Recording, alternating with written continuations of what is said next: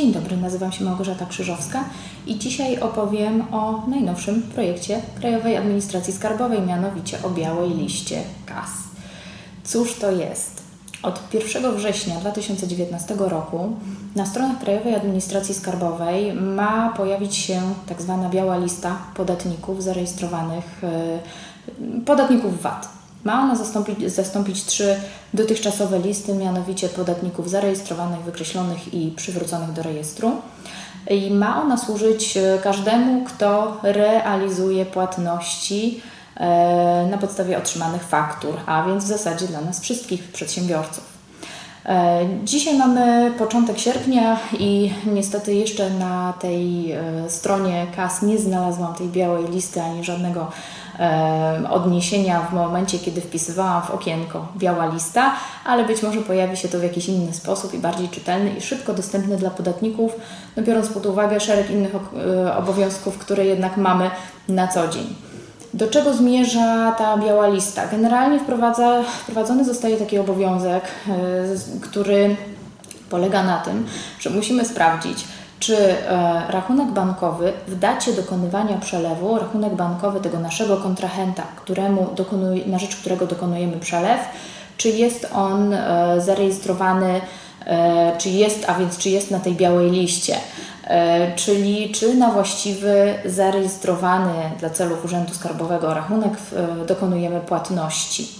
E, no niestety będą konsekwencje w sytuacji, gdybyśmy mm, przelali, dokonali przelew na rachunek, który e, nie jest zarejestrowany. E, no niestety będzie się to wiązało z odpowiedzialnością solidarną do wysokości tego, tego zobowiązania podatkowego dotyczącego te, tej transakcji. Natomiast bardzo ważne jest to, żebyśmy my również uaktualnili właściwie te wszystkie informacje, które, które posiadamy zarówno w KRS-ach, jeśli prowadzimy spółki, czy jesteśmy w zarządach spółek, jak i w urzędach e, w CIDG, żebyśmy wszystkie nasze informacje, a więc o naszej prowadzonej działalności gospodarczej uaktualnili.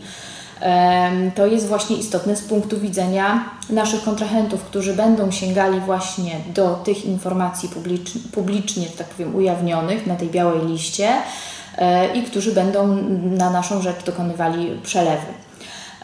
Biała lista podatników będzie zawierała szereg, kilkanaście w zasadzie informacji o podatnikach VAT, no, czyli podstawowe imię i nazwisko, adres prowadzenie, adres firmy, numer PESEL, jeżeli e, podmiot oczywiście go posiada, czyli to dotyczy przedsiębiorców prowadzących działalność gospodarczą jednoosobową, e, numer REGON, jeżeli został nadany, Mm, adres stałego miejsca prowadzenia działalności. E, tutaj mam ściągę, dlatego sobie zaglądam.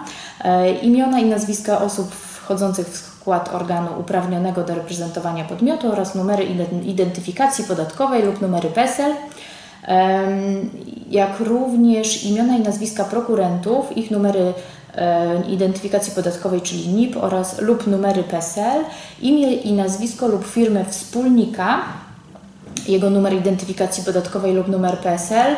E, to zapewne będzie istotne w przypadku e, na przykład spółek ze spółek komandytowych. E, dat rejestracji, odmowy rejestracji albo wykreślenia z rejestru oraz przywrócenia zarejestrowania jako podatnika VAT, czyli to na skutek tego, że te, te rejestry zostaną wykreślone i zastąpione tym jednym nowym mm, podstawę prawną rejestracji, odmowy rejestracji albo wykreślenia czy przywrócenia jako podatnika VAT E, jak również e, wspomniane wcześniej przeze mnie numery rachunków rozliczeniowych wskazanych w zgłoszeniu identyfikacyjnym lub aktualizacyjnym e, i potwierdzonych przy wykorzystaniu STIR, czyli systemu. W związku z tym, że wyłącznie Państwo mogą dokonywać tych zmian w CIDG, zalecamy weryfikację, czy te wszystkie dane firmowe, a w szczególności rachunki firmowe, są zgłoszone przez tak zwane jedno okienko E, w Urzędzie Gminy. Natomiast oczywiście no w przypadku, gdy jest to spółka, no to należy wykorzystać stosowny formularz aktualizacyjny KRS. E, I wówczas e, jest to druk NIP 8 lub NIP 2, który można podpisać zgodnie z reprezentacją, który należy podpisać zgodnie z reprezentacją, a więc zarząd spółki, czy to wspólnicy, bądź ustanowiony prokurent.